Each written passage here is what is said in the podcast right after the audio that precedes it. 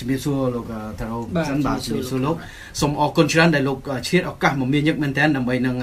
ចូលមកកាន់កម្មវិធី VOA នៅក្នុងរដ្ឋធានី Washington នេះជាដំបូងខ្ញុំចង់ដឹងថាតើលោកបានជួបជាមួយនឹងមន្ត្រីអមេរិកជាមុនហ្នឹងតើបានពិភាក្សាគ្នាអ្វីខ្លះហើយជួបជាមួយនឹងមន្ត្រី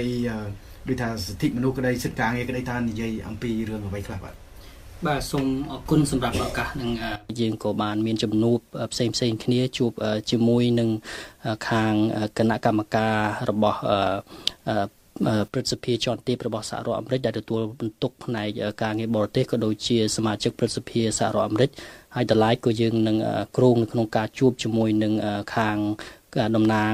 ក្រុមហ៊ុនបញ្ជាទិញធំធំដូចយើងបានដឹងហើយថាបច្ចុប្បន្ននេះ រាជរដ្ឋាភិបាលសហរដ្ឋអាមេរិកជាពិសេសហ្នឹងគឺព្រឹទ្ធសភាសហរដ្ឋអាមេរិកបានយកចិត្តទុកដាក់ទៅនឹងបញ្ហាប្រឈមទាក់ទងទៅនឹងការធ្លាក់ចុះទៅនឹងស្ថានភាពសិទ្ធិមនុស្សលទ្ធិប្រជាធិបតេយ្យក៏ដូចជាសិទ្ធិការងារហើយ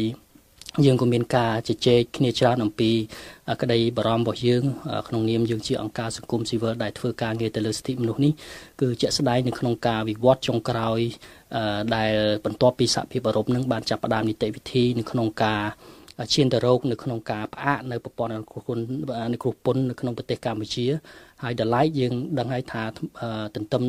នៅក្នុងបេសកកម្មរបស់ប្រតិភូសហភាពអឺរ៉ុបទៅកាន់ប្រទេសកម្ពុជាគឺយើងឃើញមានប្រតិភូរបស់សហរដ្ឋអាមេរិកដែលមានប្រតិភូជាន់ខ្ពស់ដែលទទួលបន្ទុកផ្នែកពាណិជ្ជកម្មដែលយើងហៅកាត់ថា US Trade Representative នោះក៏ដូចជាប្រតិភូក្រសួងការបរទេសហើយនិងក្រសួងការងារដើម្បីទៅធ្វើការសិក្សាអំពី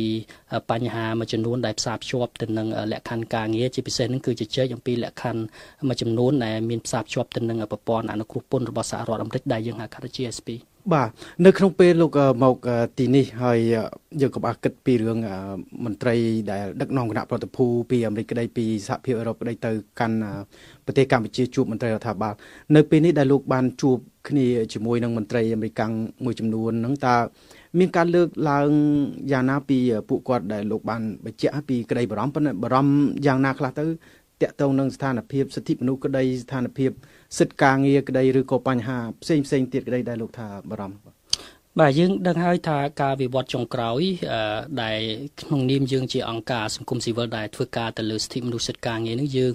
នៅក្នុងការវិវត្តស្ថានភាពប្រមាណខែចុងក្រោយនេះយើងឃើញថាมันទាន់មានភាពប្រសើរឡើងនៅឡើយទេជាពិសេសនឹងនៅពេលដែលសហភាពអឺរ៉ុបបានចាប់ផ្ដើមនីតិវិធីរបស់ខ្លួននឹង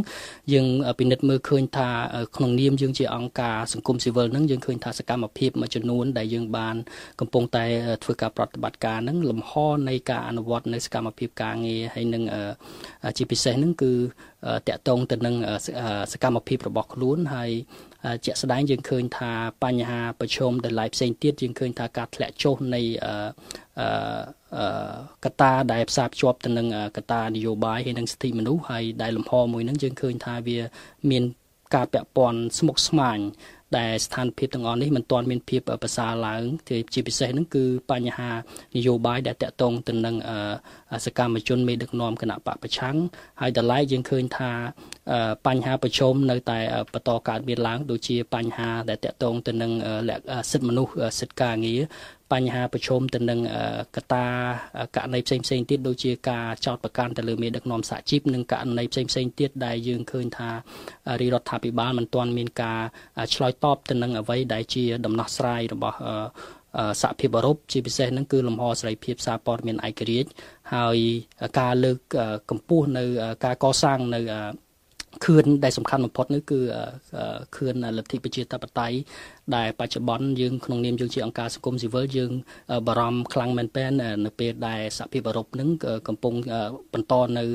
នីតិវិធីរបស់ខ្លួនហើយរាជរដ្ឋាភិបាលមិនទាន់មានការឆ្លើយតបនៅលក្ខណៈវិជ្ជមានណាមួយដែលយើងឃើញថាធ្វើឲ្យប្រសើរឡើងនៅក្នុងបរិបទនយោបាយនិងបរិបទសង្គមជាពិសេសនឹងគឺបរិបទសេដ្ឋកិច្ចដែលយើងមើលឃើញថានឹងជះឥទ្ធិពលអវិជ្ជមានទៅដល់ជីវភាពរស់នៅរបស់ប្រជាពលរដ្ឋបាទមើលទៅនៅពេលនេះតើ ជាក្តីបារម្ភដែលលោកបានបង្ហាញទ្រុសទ្រុសហើយតើមានកត្តាអ្វីដែលអាចឲ្យក្តីបារម្ភនោះធូរធូរថយឬក៏ថមថយមកវិញនៅនៅពេលនេះតាំងពីកត្តាសិទ្ធិមនុស្សដែលលោកបានបញ្ជាក់ក្តីតាំងពីរឿងការងារក្តីឬក៏រឿងប៉ះពាល់រឿងសេដ្ឋកិច្ចសង្គមឬក៏បញ្ហាផ្សេងផ្សេងទៀតក្តី រឿងដែលសំខាន់បំផុតនឹងគឺយើងនៅមើលឃើញថាជាឱកាសដែលរដ្ឋាភិបាលត្រូវមានវិធានការជាក់លាក់នៅក្នុងការធ្វើឲ្យប្រសើរឡើងនៅលទ្ធិប្រជាធិបតេយ្យសិទ្ធិមនុស្សក៏ដូចជាលំហនៃសេរីភាពសារព័ត៌មាននៅក្នុងប្រទេសកម្ពុជាអញ្ចឹងអ្វីដែលយើងមើលឃើញនឹងយើងចង់ឲ្យមានវិធានការជាក់លាក់ណាមួយដែលយើងទាំងអស់គ្នាចង់ឃើញទាំងអស់គ្នាថាវាមានការ កែប្រែ ដែលទាំងអស់នោះដែលយើងមើលឃើញថាវាមិនទាន់មានភាពប្រសើរនៅឡើយប៉ុន្តែខាងថ្មីថ្មីនេះមានឃើញថាដូចជាខាងមន្ត្រីសហជីព6រូបអីត្រូវបានតឡាការលើកលែងឬក៏មានការបធូរបថយអីខ្លះចំពោះសហមន្ត្រីសហជីព6រូបតើមកដល់ដំណាក់កាលនេះអាចថាជាការវិវត្តបន្តិចបន្តួចខ្លះទេឬក៏យ៉ាងម៉េចដែរ ខ្ញុំមើលឃើញថាវាជាការវិវត្តដ៏តិចតួចបំផុតនៅក្នុងការឆ្លើយតបទៅនឹងករណីដែលមានការចោទប្រកាន់ទៅលើមេដឹកនាំសហជីពសំខាន់សំខាន់ហ្នឹងជាក់ស្ដែងករណីដែលដែលយើងមើលឃើញថាតឡាកាអូតូហ្នឹងមានការទម្លាក់ចោលឬក៏រុញនៅសេចក្តីបដិសេធនៃក្តីសម្រេចរបស់តឡាការដំបូងរាជធានីភ្នំពេញហ្នឹងវាជាករណីមួយដែលឡាយតែប៉ុណ្ណោះគឺវាផ្សារភ្ជាប់ទៅនឹងករណីវែងឆ្វេងជាក់ស្ដែងយើងឃើញមានករណីជាច្រើនទៀតដែលមេដឹកនាំសហជីពទាំងអស់ហ្នឹងគឺគាត់នៅតែប្រឈមដែលករណីទាំងអស់ហ្នឹងមិនទាន់មានការ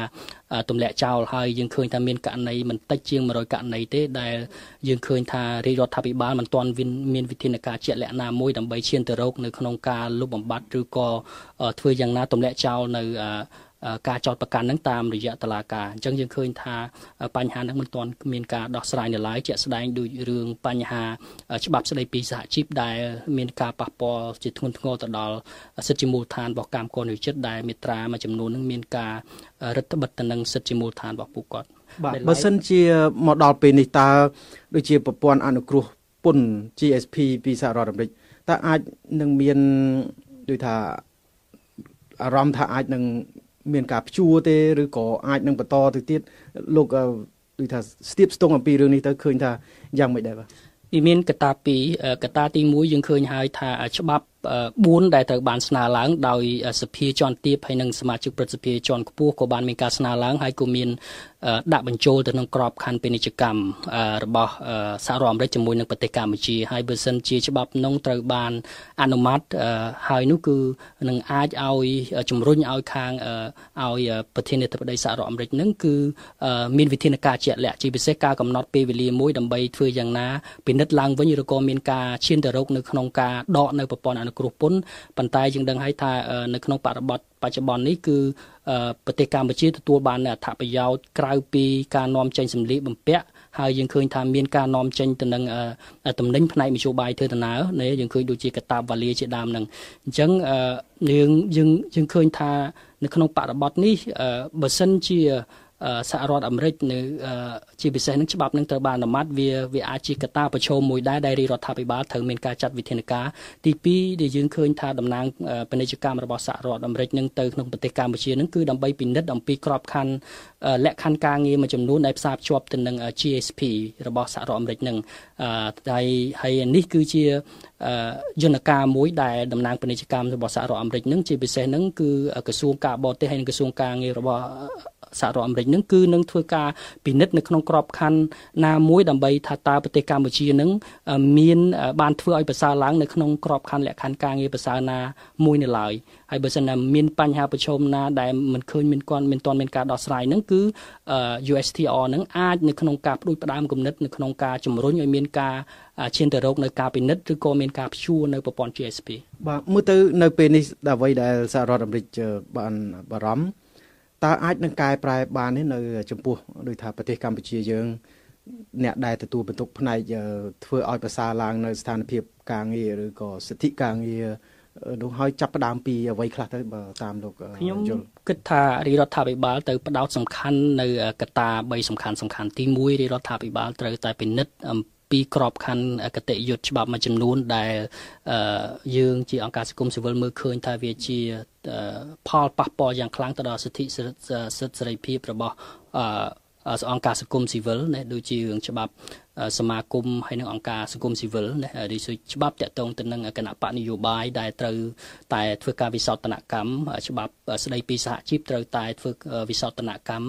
ហើយទម្លាក់ចោលនៅបទចោតប្រកាន់ទាំងអស់របស់ ទៅលើមេដឹកនាំសហជីពក៏ដូចជាសកម្មជនថ្នាក់ដឹកនាំសហជីពនៅថ្នាក់មូលដ្ឋានហ្នឹងទាំងអស់នោះគឺជាលក្ខខណ្ឌដែលរដ្ឋាភិបាលត្រូវតែមានវិធានការឲ្យមានភាពជាក់លាក់ហើយច្បាស់លាស់ដើម្បីឆ្លើយតបទៅនឹងអ្វីដែលជាក្តីបារម្ភរបស់សហគមន៍អន្តរជាតិរបស់សហភាពអឺរ៉ុបក៏ដូចជា ខាងសហរដ្ឋអាមេរិកហើយទី2ខ្ញុំគិតថារាជរដ្ឋាភិបាលត្រូវតែព្យាយាមធ្វើយ៉ាងណាដើម្បីកែប្រែនៅស្ថានភាពដែលជាផលប៉ះពាល់សំខាន់ដល់ជីវភាពរស់នៅគឺផ្នែកសេដ្ឋកិច្ចហើយយើងនៅតែអំពាវនាវឲ្យរាជរដ្ឋាភិបាលធ្វើយ៉ាងណាត្រូវតែមានការអឺសម្របសម្រួលនៅក្នុងលក្ខខណ្ឌយ៉ាងណា ធ្វើឲ្យមាននៅការអឺបង្រួបបង្រួមនៅក្នុងក្របខ័ណ្ឌនយោបាយមួយ ដើម្បីបើកផ្លូវឲ្យអឺ មេដឹកនាំគណៈបកនយោបាយគណៈបកប្រឆាំងនឹងអាចចូលរួមនៅក្នុងការធ្វើយ៉ាងណាធ្វើឲ្យប្រសើរឡើងនិងកែប្រែនៅស្ថានភាពនៅក្នុងបរិបទនយោបាយនៅក្នុងប្រទេសកម្ពុជាបច្ចុប្បន្នដើម្បីបញ្ជៀសនៅតនកម្មសេដ្ឋកិច្ចណាមួយដែលយើងមិនចង់ឃើញឲ្យវាមានកើតឡើងហើយខ្ញុំគិតថារាជរដ្ឋាភិបាលនៅមានឱកាសនៅឡើយបាទបាទនៅនីតិចុងក្រោយនេះដែលលោកក្រៅពីជួបជាមួយមន្ត្រីសហរដ្ឋអាមេរិក នៅសភាក្តីឬក៏ក្រសួងការបរទេសក្តីឬក៏អង្គការសង្គមស៊ីវិលក្តីនៅមានមួយចំណុចទៀតដែលតាក់ទងទៅនឹងអ្នកកំងទិញនៅសហរដ្ឋអាមេរិកដែលជាទីផ្សារធំថាទី2ក៏បានឬក៏ទី1ក៏បានបើប្រៀបធៀបជាមួយនឹងសហភាពអឺរ៉ុបប៉ុន្តែតើការកំងទិញនឹងអាចថានៅមាននិរន្តរភាពទៅមុខទេឬក៏អាចនឹងឈប់នៅពេលណាមួយឬក៏អាចនឹងចេះតែកើនទៅឬក៏នៅត្រឹងទៅឬក៏យ៉ាងណាលោកអាចបញ្យល់យ៉ាងណា ការពិតទៅ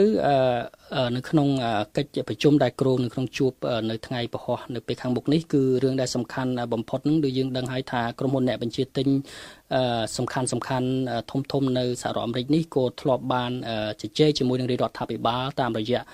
ការជំនួបផ្ទាល់ការដាក់លិខិតទៅរាជរដ្ឋាភិបាលទៅសម្ដេចនាយកហ្នឹងគឺលើកឡើងអំពីបញ្ហាសិទ្ធិមនុស្សសិទ្ធិការងារហ្នឹងជាពិសេសហ្នឹងគឺសិទ្ធិសេរីភាពជាមូលដ្ឋានរបស់សហជីពហើយនឹងករណីចោតប្រកាន់ទៅលើមេដឹកនាំសហជីពជាដើមអ្វីដែលសំខាន់បំផុតដែលយើងមើលឃើញថា ដែលវាអាចជាអតិពលនោះគឺបើសិននៅក្នុងករណីថាប្រព័ន្ធអនុគ្រោះពន្ធរបស់សហរដ្ឋអាមេរិកនឹងត្រូវបានមានការដាក់ឲ្យមានការត្រួតពិនិត្យឡើងវិញដោយច្បាប់ដែលស្នើដោយព្រឹទ្ធសភាសហរដ្ឋអាមេរិកឬក៏តំណាងពាណិជ្ជកម្មសហរដ្ឋអាមេរិកនោះកត្តាខ្សែសំខាន់បំផុតនឹងវានឹងអាចជាអតិពលថាទី1តើតើក្រុមហ៊ុនទាំងអស់នឹងនៅតែបន្តនៅក្នុងការកម្មង់ទិញអំពីប្រទេសកម្ពុជាឬក៏អត់ហើយនឹងគឺជាកត្តាទី1ខណៈពេលដែលយើងដឹងហើយថាកំណើនសេដ្ឋកិច្ចតាមរយៈការនាំចេញមកពីមកពីប្រទេសកម្ពុជាទៅសហរដ្ឋអាមេរិកនឹងមានការកើនឡើងនៅក្នុងរយៈពេលប្រមាណខែចុងក្រោយនេះអញ្ចឹងយើងឃើញថាវាគឺជាឱកាសដែលក្រុមហ៊ុនអ្នកបញ្ជាទិញទាំងអស់នោះត្រូវតែធ្វើយ៉ាងណាដើម្បីពិភាក្សាបន្ថែមទៀតដើម្បីមិនធន់តែមិនតែលិខិតទេប៉ុន្តែយើងចង់ឲ្យក្រុមហ៊ុនអ្នកបញ្ជាទិញធំទាំងអស់ហ្នឹងគាត់ត្រូវតែមានវិធានការជាក់លាក់ណាមួយដើម្បីជជែកទីមួយនឹងរាជរដ្ឋាភិបាលមិនគ្រាន់តែតែរឿងករណីការរំលោភទៅលើសិទ្ធិមនុស្សសិទ្ធិការងារទេប៉ុន្តែយើងចង់ឲ្យអ្នកបញ្ជាទិញទាំងអស់នោះគាត់ត្រូវតែដើរតួសំខាន់ដើម្បីជជែកជាមួយរាជរដ្ឋាភិបាលដើម្បីលើកឡើងអំពីតាំងសិទ្ធិមនុស្សក៏ដូចជាលទ្ធិប្រជាធិបតេយ្យហើយនឹងការកសាងធ្វើឲ្យប្រសើរឡើងនៅលំហសេរីភាពរបស់អង្គការសង្គមស៊ីវិលក៏ដូចជាសហជីព បាទសូមអរគុណច្រើនលោកគុណថារ៉ូដែលជាអ្នកសម្របសម្រួលអង្គការសិទ្ធិមនុស្សនិងសិទ្ធិការងារមកពីប្រទេសកម្ពុជាដែលហៅថាអង្គការសង្ត្រាល់បាទដែលបានផ្ដល់កិច្ចសម្ភាសដោយផ្ទាល់នៅក្នុងស្ទូឌីយោរបស់ VA ក្នុងរដ្ឋធានី Washington នៅពេលដែលលោកបានអញ្ជើញមកដើម្បីនឹងជួបពិភាក្សាជាមួយនឹងមន្ត្រីអាមេរិកនៅក្នុងក្រសួងការបរទេសក្រសួងផ្សេងផ្សេងហើយនឹងសភាក្តីឬក៏ខាង មន្ត្រីអង្គការសង្គមស៊ីវិលសំខាន់សំខាន់ដែលធ្វើការតាក់ទងនឹងសិទ្ធិមនុស្សការងារនៅសហរដ្ឋអាមេរិកនេះក្តីហើយនឹងអ្នកកំងទិញពីសហរដ្ឋអាមេរិកនេះក្តីបាទអញ្ចឹងដោយសារពេលវេលាខ្លីសូមអរគុណលោកច្រើនសូមជម្រាបលាតែប៉ុណ្ណេះបាទហើយសូមជម្រាបលាប្រិមិត្តផងដែរ